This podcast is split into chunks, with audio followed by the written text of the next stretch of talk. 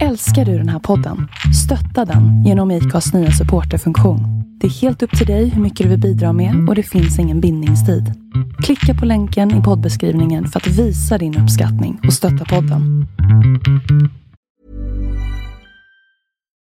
Millions of people have lost weight with personalized plans from Noom, like Evan, who can't stand salads and still lost 50 pounds.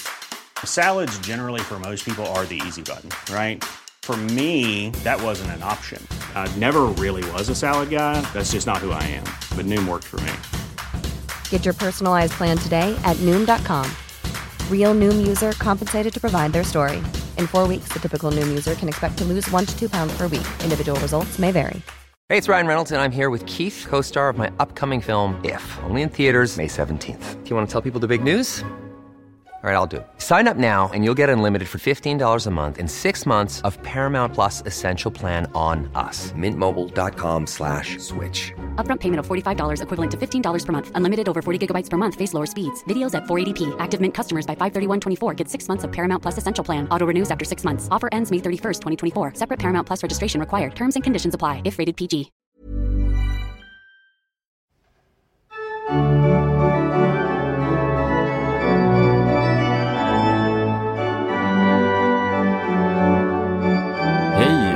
Välkomna till avsnitt 98 av podden Vi går till historien.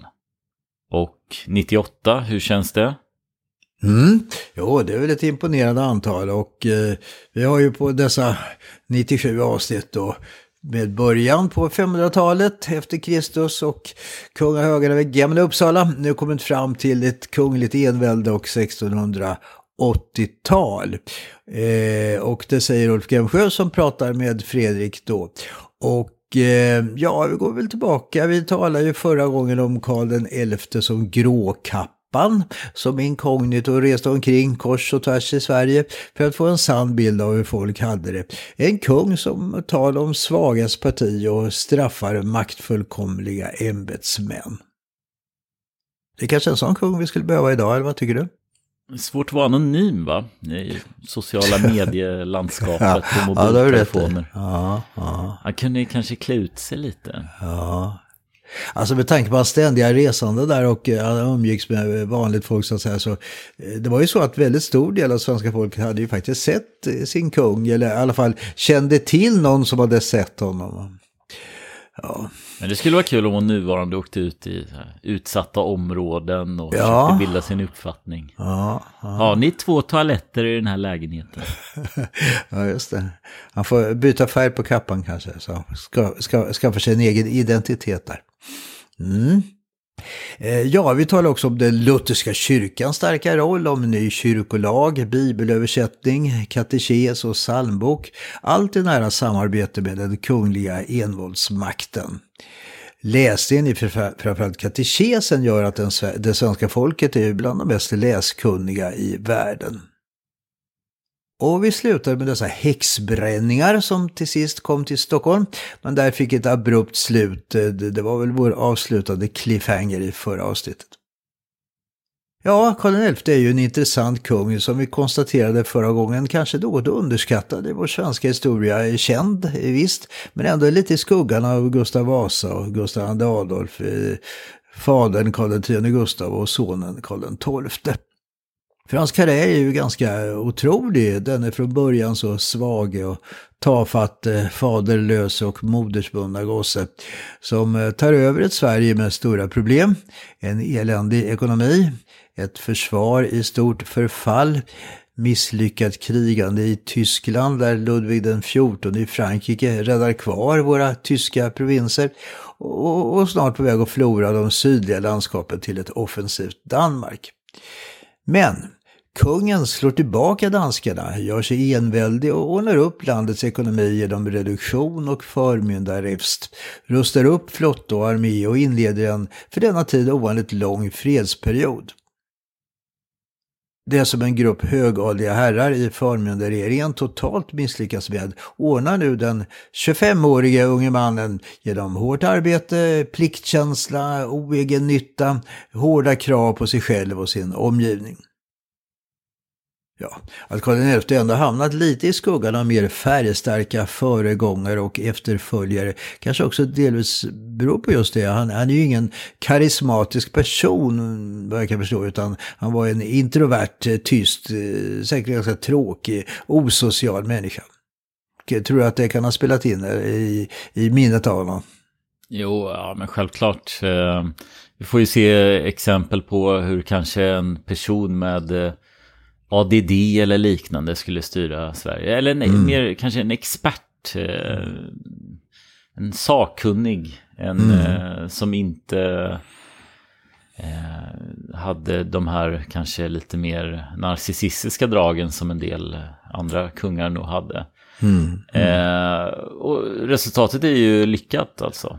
Mm. Eh, eller vi får väl se, vi är väl inte klara med honom än. Men eh, jag är imponerad so far. Ja, absolut, det blir man.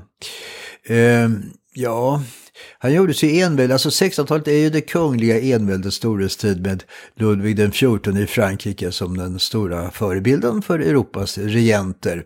En kung som har fått sin makt av Gud och som bara är ansvarig inför honom. Medborgarna ska därför lyda kungen som han lyder Gud. Riksdagar upplöstes eller förvandlades till lydiga redskap för monarken. Eh, det fanns ju några undantag. I England misslyckas Stuartkungarna med att införa en konungslig envåldsmakt efter den så kallade ärorika revolutionen 1688 tvingas Jakob II avgå. Det är parlamentet som styr. Nederländerna och Schweiz är ju två andra undantag. Frankrike är ju 1600-talets stormakt. Fransk kultur och det franska språket är det som gäller. Karl XI byggde ut sin envåldsmakt stegvis under 1680-talet och början av 90-talet, framförallt under riksdagarna 1680, 82, 86. 1693 har kungen nått det absoluta enväldet och uttrycker det genom en berömd formulering där han beskriver sig som citat en envålds allombjudande och rådande suverän konung, den ingen på jorden är för dess aktioner responabel, utan har makt och våld efter sitt behag och som en kristlig konung styra och regera sitt rike. Men om vi nu ser det karolinska enväldet som inspirerat av det franska så finns det ju mycket stora skillnader i hur Ludvig XIV och Karl XI framlevde sina dagar på sina respektive slott på Versailles och Tre Kronor. Ludvig XIV har ju inget egentligt privatliv. Allt han gör är offentligt inför publik. Från när han går upp, går upp på morgonen med Petit Levé och Grand Levé. Där adelsmän i noga rangordning kopplat till olika klädesplaggs och olika status hjälper honom med påklädningen. Samma rutin har drottningen, Ludvigs spanska eh, kusin Maria Theresia. Där kunde de ståndsförnäma hovdamerna, sägs det, ibland eh, bli oense om vem som skulle räcka drottningen vilket plagg. Så hon vid något tillfälle fick stå helt naken och vänta på att man skulle komma överens om vem som skulle överräcka de första plaggen. När det gäller Maria Theresia var det ju för övrigt i hög grad ett resonemangsäktenskap. Att vara tillsammans med henne såg Ludvig som en äktenskaplig plikt. Han hade många älskarinnor, något som också inspirerade många andra regenter. Likaså äter kungen ensam inför publik. Är han någon dag på ett extra gott humör kan han be någon värdig, som till exempel sin bror, att sitta ned och dela hans måltid. Och vid kvällens couché sker avklädningen enligt mönster från morgonens påklädning. Allt blir som en slags, eh, ja, som en slags teaterpjäs med kungen i huvudrollen. Ja, en inte så attraktiv roll egentligen, eller vad tycker du? Där pratade jag, nämnde ju ordet eh, narcissist förut. Det, det, han måste ju vara definitionen på det. ja, jo, det stämmer.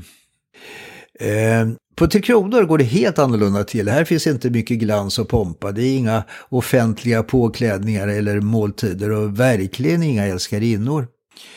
Ehm, kungen är enkel i sina vanor, inte minst när det gäller kläder. Och det här är något som utländska diplomater registrerar.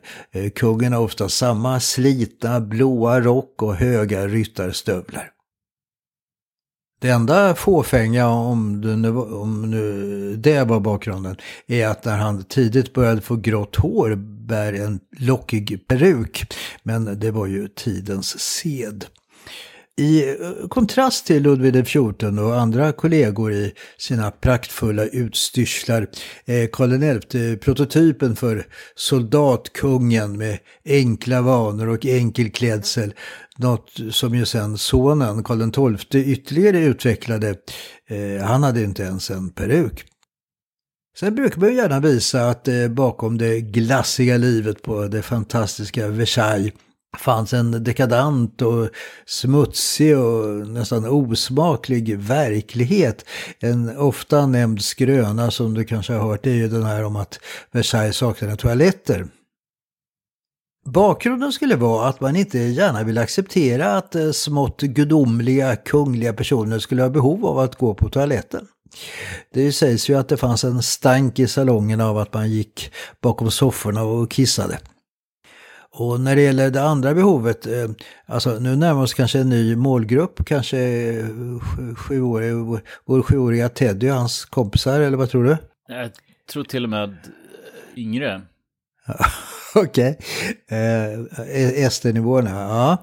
Eh, eh, när det gäller alltså det andra behovet, då, då, skulle det gå till så att en, en kunglig eller högt uppsatt person med uppkommet behov av att behöva gå på toaletten på ett eh, speciellt sätt knäppte med fingrarna varvid fyra parser skyndade fram med redskap och uppgifter.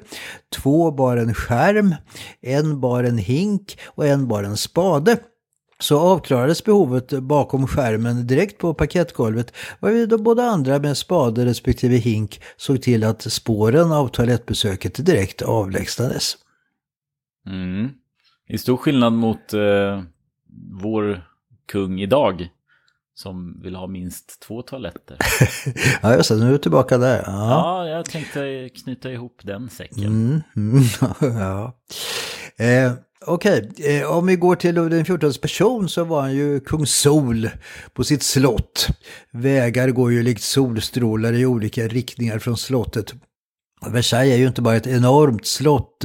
Ja, från början var det ett ganska enkelt jaktslott byggt av fadern Ludvig XIII och sen påbyggt under 1600 och 1700-talet. Utan det finns ju också ett jättelikt parkområde med planteringar, träd, buskar, häckar, fontäner, statyer, kanaler, sjöar, skogar, dammar, vattenfall. Allt omgivet av en fyra mil lång mur. Områdets yta lär motsvara Stockholms stads. Men man fick då en annan uppfattning av den praktfulla kungen om man kom honom fysiskt nära. Han var helt skallig redan som 20-åring och bar därför alltid peruk. Han tvättade sig aldrig, borstade aldrig tänderna. Eh, man trodde att tvål och vatten kunde leda till sjukdomar spridda genom vattnet. Kungen var känd för sin dåliga andedräkt och ständiga svettlukt. Eh, mot det sistnämnda använde han dock eh, olika parfymer. När det gäller munnen så ledde hans ständiga tandverk till att man när han var 40 år drog ut, utan bedövning, samtliga tänder. Men operationen med primitiva, förstås inte rengjorda verktyg ledde till att underkäken sprack och åkte ned.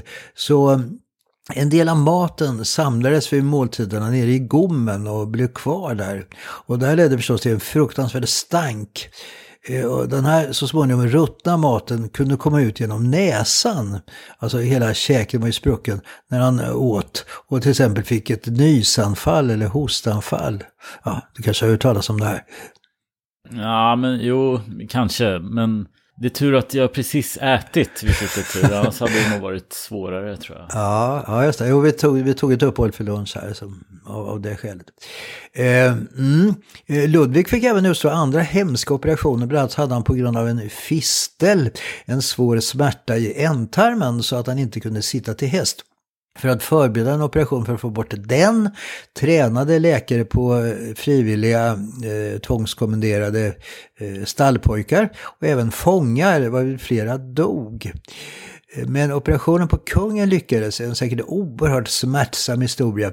Ingen som helst bedövning användes här heller. Alltså, Ludvig den XIV måste ha varit oerhört seg, haft en mycket stark fysik i grunden, för han överlevde alla smärtor och han blev faktiskt 77 år. Han är den monark som regerat längst i Europa i 72 år. Han var bara fem år när fadern dog och han blev kung. Så för att återigen då eh, komma till vår kung 50 år, det är ju inte mycket att komma med. Eh, Karl XVI Gustav han får kämpa på i eh, vad blir det, 22, 23 år till om han ska slå det rekordet. Det känns ganska svårslaget faktiskt. Ja, faktiskt. Men vi blir ju allt äldre men ändå. Så mm, vi får mm. se. Vi får se. Eller du får se. Eh, mm, tillbaka nu till Karl XI. Efter 1686 års riksdag tillsätts en kommission för att utarbeta en ny allmän lag för riket, en gemensam lands och statslag. Och ordförande för kommissionen blir den mycket duglige och energiske Erik Lindsköld. Denne östgöte med unik klassresa bakom sig gick precis som kungen upp varje morgon klockan fem och arbetade till sent på kvällen. Han var skicklig på att kompromissa, kompromissa fram lösningar och hade dessutom en mycket god stilistisk förmåga. Lite symboliskt så dör detta år 1686 själva eh, sinnebilden för det Sverige som nu gått i graven, Magnus Gabriel de la Gardie. Han representerar ju höjdpunkten av den svenska högadelns storhetstid i mitten av 1600-talet. Rik, bildad, vacker, social, mäktig, ingift i kungafamiljen, ägare till mängder av slott i Sverige, Finland, Baltikum, svenska Pommern. Son till Jakob de la Gardie, Moskvas erövrare, och Ebba Brahe, Gustav II Adolfs ex. Han hade innehaft alla ledande poster i landet, rikskansler, riksskattmästare, riksdrotts, riksmarskalk. Han var drottning Kristinas främste gunstling men föll ju, som du kommer ihåg, senare i onåd hos henne. Men han återkom till kungagunsten när Karl X Gustav tog över och han var ju gift med hans eh, syster Maria Efrosyne. Han var general i 30-åriga krigets slutskede och var generalguvernör i Livland och skötte dess krigföring under Karl X Gustavs polska krig. Som rikskansler, ledare för förmyndarregeringen för Karl XI. Men blev sen själv kanske det största offret för den unge kungens reduktion och förmyndarräfst. Fick bara behålla slottet Venngarn i Uppland drar sig bitter tillbaka, ägnar sig åt religiösa grubblerier, skriver salmer. Hans bittra kommentarer har vi tidigare citerat. Många kända slott uppförde han eller byggde om som eh, Makalös vid Kungsträdgården i Stockholm, eh, Drottningholm, Karlbergs slott, eh, Jakobsdal, dagens Ulriksdal och så vidare. Men han hade ju en svaghet, kommer du ihåg vilken vi brukar ta fram här? Att han inte fick saker gjorda, var det han? Det är alldeles riktigt. Och dels det och också, visst, eh, han blev passiv när, när problemen hopade sig. Och eh, också en total oförmåga att sköta pengar. Eh, den träffsäkra italienska ambassadören Magalotti, som vi ofta citerat, beskrev De la Gardie som citat, den vackraste mannen i världen med ett livligt snille och en naturlig vältalighet. Han talar latin, italienska, franska, tyska och holländska, bildade historia, politik och filosofi, synnerligen väl underrättad om Europas politiska förhållanden. Men han är också, skriver Magalotti, den sämste hushållaren och den största slösaren i världen. Mm, just det. Ja, saker gjorda kanske han fick, i och med att du nyss hade nämnt alla de här slotten. Men eh, just det, dålig med pengar. Ja, just det. Men, men, jo, men det har en poäng där, för att eh, visst han byggde massa slott och så, men, eh, och samlade konst och, och så. Men när det gäller poli, när det blev politiskt skarpt läge, då drog han sig ofta undan till något av de här slotten och eh, hade svårt att fatta beslut. Eh, hans hustru Maria Frosyne, Karl XIs faster alltså, eh, hon gjorde allt för att brorsonen skulle mildra följderna av reduktionen åberopande det nära släktskapet, något Karl vägrade ta någon hänsyn till. Medan Magnus Gabriel som sagt fick behålla en enda gård, Venngarn, fick Maria Frosyne behålla en gård, Höjentorp i Västergötland som hon fått av drottning Kristina i samband med hennes bröllop. När nu maken dör beskriver hon sig som citat en fattig falskrivedotter som haft en svensk man och ingenstädes vet ute i världen någon tillflykt än till Gud, alla änkors tröst. Eh, och, och hon är mycket religiös och har som valspråk Gott ist mir alles. Hon vädjar till sin bror som kungen att citat, av kunglig nåd unna hans usla faster, bedrövade änka och främling här i Sverige, eftergift i fordringar och skydd mot ytterligare konfiskering. Men förutom att få behålla dessa båda gårdar vägrar kungen göra något mer. Trots hennes vädjanden vägrar han betala farbror Magnus Gabriels begravning och räddar inte heller hennes smycken från försäljning. Alltså den här Karl XI, han bara stiger och stiger. det, Ja. Han är på väg till att bli den absolut, eh, absoluta favoriten här. Ja, vi se. intressant.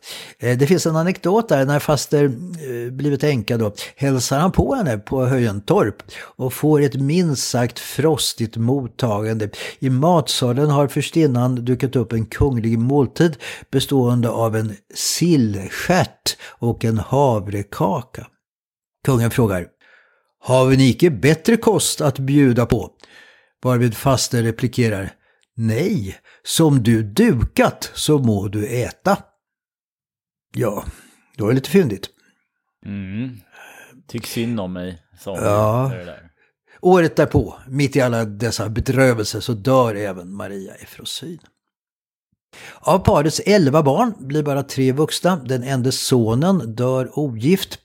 Eh, en dotter gifter sig med greven och fältmarskalken Otto Wilhelm von Königsmark som är känd för en mycket spektakulär händelse som du kanske har hört talas om.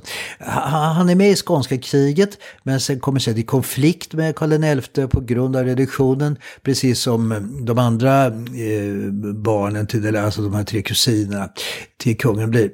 Han går då i venetiansk tjänst och befinner sig 1687 i Aten där han krigar mot Osmanska riket. Eh, alltså turkarna behärskar ju då Grekland och ja, de behärskar hela Balkan och hade ju till och med hotat den tysk-romerske kejsarens Wien 1683. Eh, har de, eh, känner du till den här historien vad som hände där i Aten med Königsmark? Nej, berätta. Eh, jo, Königsmark han, han sköt med sina kanoner mot Parthenon, det berömda templet på Akropolisklippan. Eh, turkarna hade ett krutupplag i Parthenon som vid Königsmarks bombardemang delvis sprängdes i luften. Taket faller samman, pelare huggs av, statyer faller till marken. Så ja, något vi kanske inte vill kännas vid är alltså att det var en svensk officer som förvandlade det oskattbara Parthenon-templet, den grekiska antikens främsta tempel, delvis till en ruin. Och ändå är vi välkomna dit som turister. Det, det Ja. har de glömt bort då? Eller Ja, om, förhoppningsvis, förhoppningsvis. Mm. Den nya allmänna lagen utgår ifrån det kungliga enväldet. Det står i den så kallade kungabalken. Citat, konungen är alena rådande och bjudande och för den skulle konungens makt och välde utöver hela sitt arvrike alldeles obeskränkt. Ty är och konungen ingom någon räkenskap skyldig i något motto utan Gud alena, genom vilkens allmakt det konungsliga regementet styres och styrkes. Ja, man får väl säga att riksdagsmännen nu därmed har tappat allt sitt inflytande. Något Karl XI inser är viktigt är makten över tjänstetillsättningar. Eh, tidigare skulle regenten tillsammans med rådet sköta det, men rådet har ju spelat ut sin roll. Nu är det kungen själv som utser alla högre befattningar och kan ju därför förstås se till att de besätts med lojala medarbetare. Eh, det- det, är väl någonting som även dagens regeringar, att man, man inser vikten av att tillsätta eh, rätt folk på höga tjänster, eller hur? Mm, jo men absolut. Eh, och vissa är bättre än andra och så vidare. Eh, Men det är klart, det är så det fungerar. Ja, att framförallt hitta lojal, loj, mot regeringen då, lojala personer. Eh, det, det står om detta i kungabalken. Konungen äger makt över hela sitt arvrike. Alla ämbeten i gemen, både ute i det världsliga och kyrkestånd, efter sitt konungsliga behag att giva och utdela. Samtidigt som Karl XI är känd för att ha knäckt den gamla högadeln politiskt och ekonomiskt är han den regent som nyadlat flest personer. Han introducerar inte mindre än 600 nya adliga ätter. Han fördubblar antalet grevar från 21 till 42. Allt förstås för att skapa en adel som har kungen att tacka för sin upphöjelse. Man kan väl säga att kungen tar makten över riddarhuset dess ledande representanter är nu höga statstjänstemän, inte som tidigare högadliga stora eh, jordägare. Hey, I'm Ryan Reynolds. Recently, I asked Mint Mobile's legal team if big wireless companies are allowed to raise prices due to inflation. They said yes. And then when I asked if raising prices technically violates those onerous two-year contracts, they said, "What the f*** are you talking about? You insane Hollywood ass." So to recap, we're cutting the price of Mint Unlimited from $30 a month to just $15 a month. Give it a try at mintmobile.com slash switch. $45 up front for three months plus taxes and fees. Promo for new customers for limited time. Unlimited more than 40 gigabytes per month. Slows. Full terms at mintmobile.com. Since 2013, Bombas has donated over 100 million socks, underwear, and t-shirts to those facing homelessness.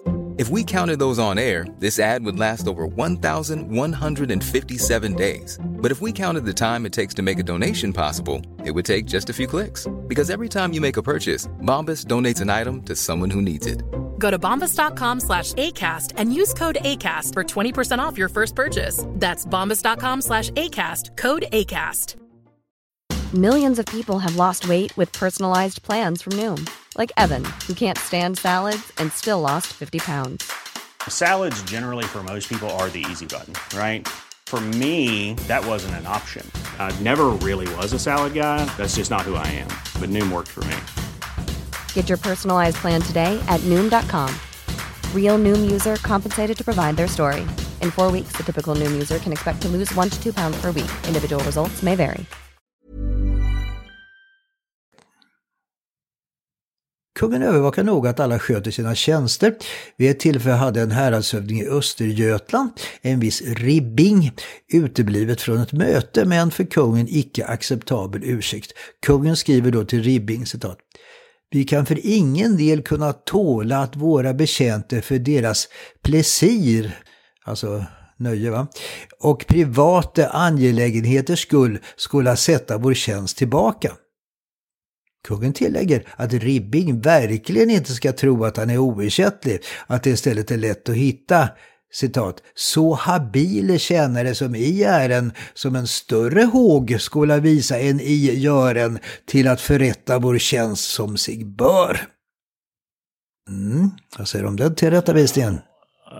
Alltså vilken eh, maktspelare egentligen. Och ja. nitisk och lägger sig i sådana här saker. Det är inga lösa tyglar eller Nej, som det kallas nu. Så här, tillitsbaserad styrning som präglar liksom dagens hantering ja. av myndigheterna. Eh, så en, en sån här tillrättavisning skulle inte Ulf Kristersson kunna skicka till någon medarbetare där på, i dina departement. Nej. Jag skulle bli väldigt förvånad. Mm. Eh, den nya eliten stödjer också kungen när det gäller reduktionen, förmyndarräfsten och den livsviktiga upprustningen av armén och flottan. Eh, under skånska kriget hade det ju uppdagats att det svenska försvaret befann sig i ett katastrofalt skick. Den danska flottan krossade den svenska och den danska armén landstiger i och översvämmar Skåne. Först efter enorma ansträngningar lyckas man ju vända utvecklingen efter segern i det blodigaste och mest kända slaget mellan svenskar och danskar, slaget vid Lund. Efter freden inser Karl XI att såväl armé som flotta måste upprustas. Danskarna skulle säkert göra nya försök att få tillbaka den tredjedel av sitt rike som man förlorat i frederna i Brömsebro och Roskilde. Men läget på kontinenten är också ständigt oroligt. 1682 ingår Sverige ett förbund med Holland och får då Frankrike och Brandenburg som fiender. Alltså, jag tror inte att Karl XI som flera av sina föregångare ville utöka stormaktsväldet utan här gällde det att försvara det. Han vill nu ha fred för att bygga upp sitt land och för att behålla freden åberopas som alltid i historien och inte minst i våra dagar det kända gamla romarcitatet Civis pacem para bellum. Alltså Ja, det måste väl vara någonting i stil med eh, eh, ett eh, anfall, ett bra försvar eller något sånt. Ja, just det. Vi vill ha fred så förbereder för krig. Mm. Det är väl något som är högaktuellt idag, eller hur? Ja, jo, verkligen. Hans uppskattande av freden märks i hans nyårsanteckningar där han varje år tackar Gud för att freden behållits. Uh, ja, alltså det kan ju synas lite märkligt. Han hade ju älskat att vara ute i fält, dessa manövrer och exercisövningar före kriget. Men kanske hade också åren i Skåne under, under kriget fått honom att se det fruktansvärda lidandet som drabbade soldaterna och civilbefolkningen. Uh, Gustav II Adolf och hans far Karl XIII Gustav hade ju krigat som erövrare i andra länder. Karl hade upplevt hur det egna landet föröddes.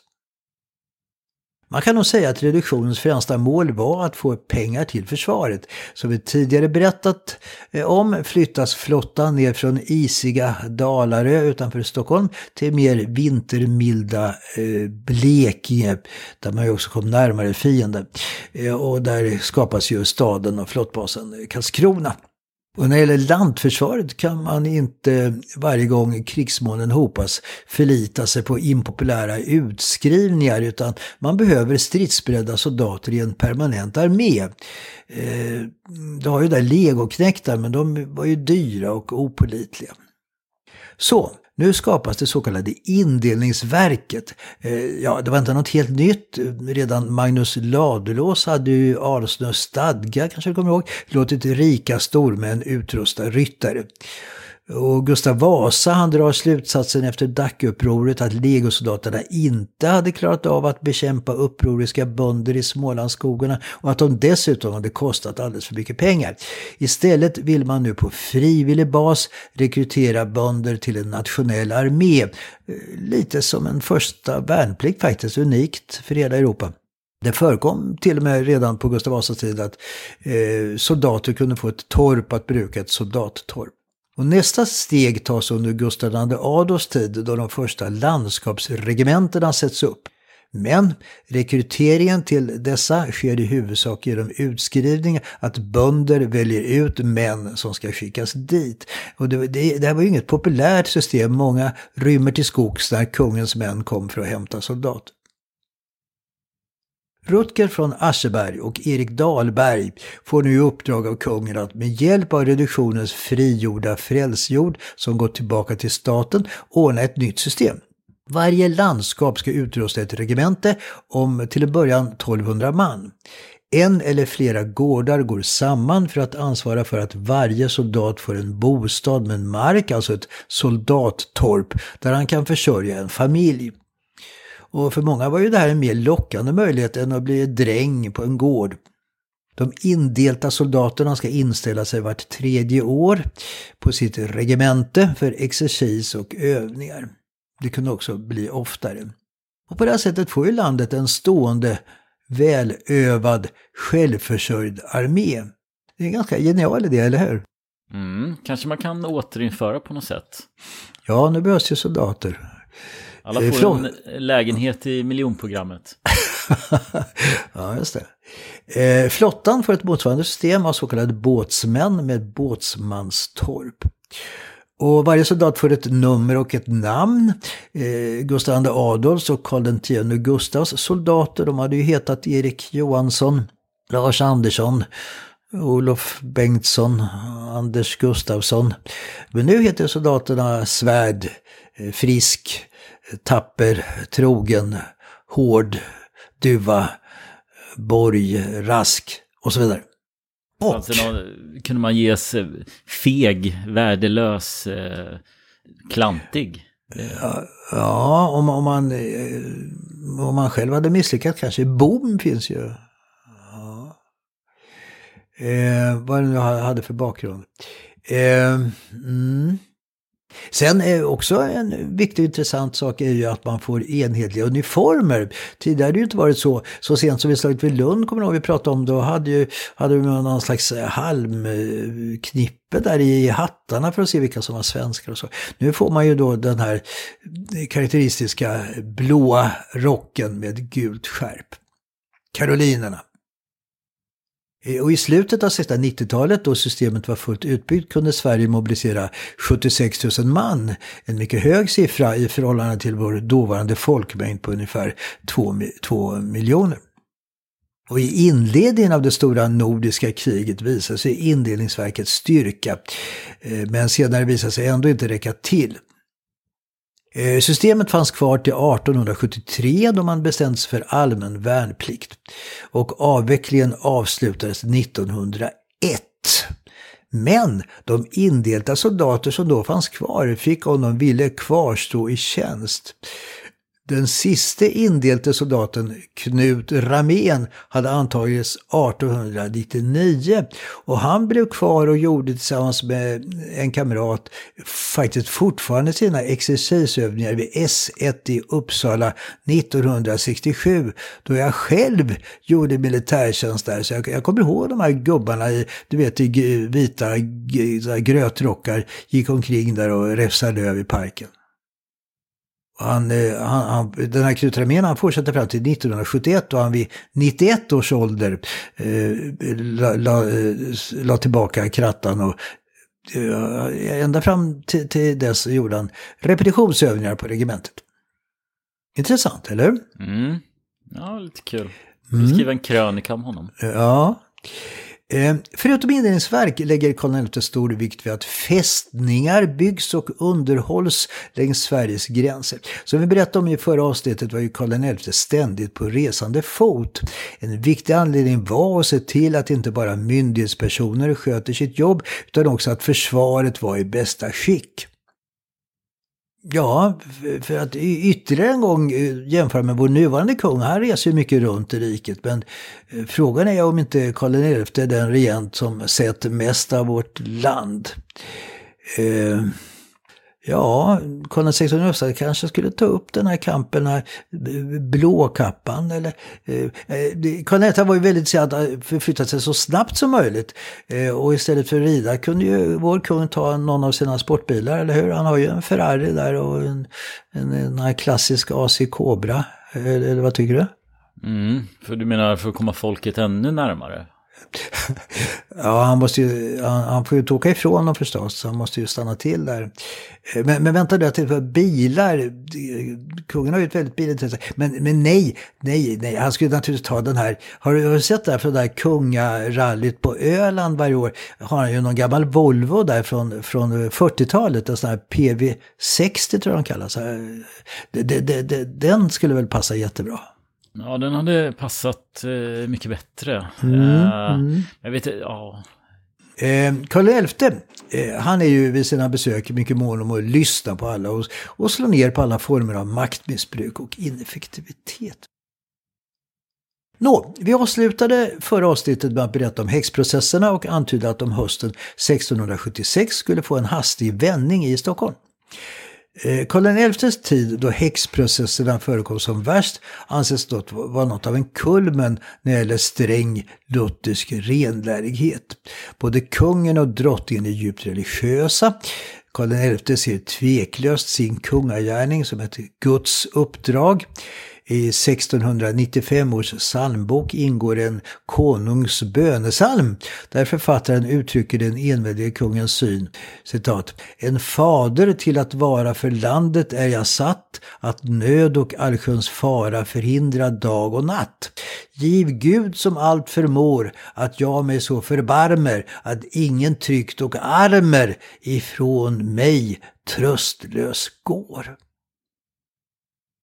Men den ortodoxa inställningen leder också till en mycket intolerant inställning till andra trosriktningar.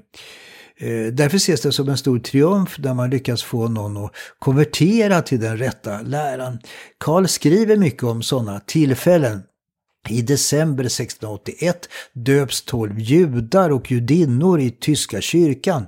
Och ännu större uppmärksamhet ägnar han åt en fransk katolsk präst som konverterade i april 1689. Kungen skriver om hur prästen citat antagandes den rena lutherska läran och alltså övergav den påviske villfarande läran.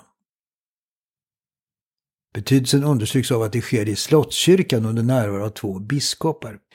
Och än mer vikt tillmäts det när ytterligare en jude döps 1695 i tyska kyrkan. För då medverkar förutom kungen även hans moder, enkedrottningen, eh, kronprins Karl, de båda prinsessorna Hedvig Sofia och Ulrika Leonora, alla kungliga råd med hustrur och ett stort antal biskopar.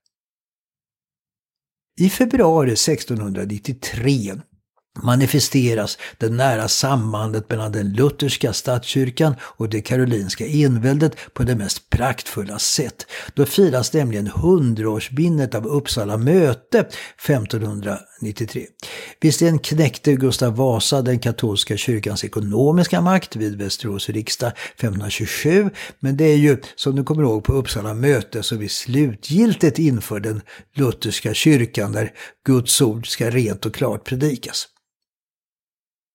Jubileet firas med en jättefest i flera dagar med tacksägelsegudstjänster, tal, doktorspromotioner, kanonsalut, pukor och trumpeter. Och sista dagen bjuder Karl XI alla biskopar, professorer och kungliga råd på en riktig dundermiddag i den sal på Uppsala slott där Uppsala möte ägt rum. Eh, Karl är ju vanligtvis en tyst och inbunden person, men han är ju ingen som spottar i glaset och kan då, som vi rapporterat om tidigare, genomgå en radikal personlighetsförändring. Han utbringar skål på skål, tömmer hela tiden glaset i botten och orkar inte vänta på att tjänare ska fylla upp hans glas utan han häller upp på sig själv. Och plötsligt upptäcker kungen att biskopen, tillika Uppsala universitets rektor, tillika psalmboksutgivaren Jesper Svedberg, fuskar genom att ge sina upphällda glas till sin tjänare och tvinga honom dricka upp. Vilken tönt. Ja, då så kan man ju inte gå med på. Så kungen tvingar nu biskopen att under hans överinseende själv tömma glasen. Ja, det är maktfullkomligt, men ja. ja. Eh, stämningen stiger och plötsligt börjar biskopen och professorerna dansa med varandra. Biskopsrockarna fladdrar, trumpeterna ljuder, pukorna och trummorna dånar och Karl XI ställer sig upp på bordet och dirigerar de dansande biskopen och professorerna. Man ser ju scenen framför sig, eller hur? Mm, vilken fest alltså. Ja, och dagen efter säger kungen att han aldrig haft så roligt i hela sitt liv. Mm. Ja, som sagt, favoriten nu. Det var nog det som avgjorde. ja. Nå, hur gick det till sist med häxprocessen i Stockholm? Åtta kvinnor avrättades i Katarina församling på Söder, varav en rumpare Malin brändes levande utan att först blivit halshuggen, något som vi berättade om i förra avsnittet. Eh, som i övriga landet var det framförallt barn som vittnade om att de av utpekade kvinnor i församlingen blivit bortförda till Blåkulla, där de tagits emot av djävulen som häxorna festat om med. Vändpunkten kommer då en 15-årig piga, Annika, erkänner att hon fått betalt av två finska pigor, de så kallade Myra-pigorna, för att berätta att hon blivit förd till Blåkulla och där blivit piskad. Allt fler barn börjar nu under korsförhör erkänna att de blivit uppmanade att berätta sina påhittade historier, att de i själva verket inte alls varit på Blåkulla. Och de återstående trolldomsanklagade kvinnorna de blir nu friade och istället anklagas dessa vittnen. Den ledande här är den 12-årige Gävlepojken Johan Gris eh, som beskrivs som en vanartig och lögnaktig bängel. Jag har nämnt honom tidigare. Han pekade ut många kvinnor som häxor och han fick många barn att vittna. Trots sin ålder döms han till döden och hängs på Hötorget. Ett annat mycket eh, flitigt vittne är Lisbeth Karlsdotter, en flicka i övre tonåren som mot löfte att bli frikänd erkänner att hon ljugit och trots detta blir hon ändå senare avrättad på Hötorget. Den 15-åriga Annika som först erkände blir piskad 12 gånger, fyra söndagar i rad, något som leder till hennes död. Den som i första hand tillskrivs äran av att få stopp på häxprocesserna är läkaren Urban Järne. Han brukar ses som en upplyst person som reagerade mot vidskepelserna, men faktum är att han själv trodde på att häxor for till djävulen på Blåkulla. Men han menar att de aktuella processerna var ett resultat av en masshysteri och att dessa barnvittnen manipulerades och berättade påhittade historier. Urban Järni är ju känd i ett annat sammanhang. Vet du vilket? Har du hört, hört hans namn? Ah, jo, han grundade ju en berömd hälsokälla norr om Motala, nämligen... Nej. Det är Medevi, du vet, Medevi brunn. Ah, ja, just det.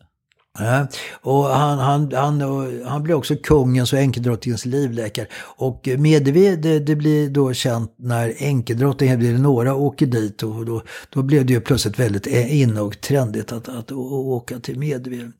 Eh, Urban Järna var gift tre gånger och hade sammanlagt eh, 26 barn. Och en intressant kuriosa är att han vid 74 års ålder fick en son, Gustav Adolf. Och den här sonen, han kom att dö vid 90 års ålder. Så mellan faderns födelseår 1641 och sonens dödsår 1805 är det 164 år. Det måste väl vara någon typ av rekord. Ja, verkligen. ja. Nå, vi fortsätter det spännande 1680-talet med ytterligare ett avsnitt nästa gång. Det finns ju fortfarande mycket att prata om. Kommer Karl att lyckas behålla freden i ett oroligt och ombytligt Europa? Är det verkligen slut på häxprocesserna? Jag tänkte vi också skulle återknyta bekantskapen med kungens orolige farbror Adolf Johan på Stegeborg, där allvarliga familjekonflikter kommer att utspela sig. Och vi kanske också hinner att en sista gång bege oss till Rom och följa drottning Kristinas sista år. Kan vi inte gå på fest med Karl XI igen? Det verkar ja. roligt. Ja, vi får se om det finns utrymme för det. Eh, tyvärr är det några mer tragiska händelser som kommer att drabba familjen här nu. Eh, men eh, stort tack för detta spännande avsnitt. Mm, tack så mycket. Så två veckor så hörs vi igen. Det gör vi. Tack kära lyssnare. Tack Fredrik. Ha tack. det så bra. Hej.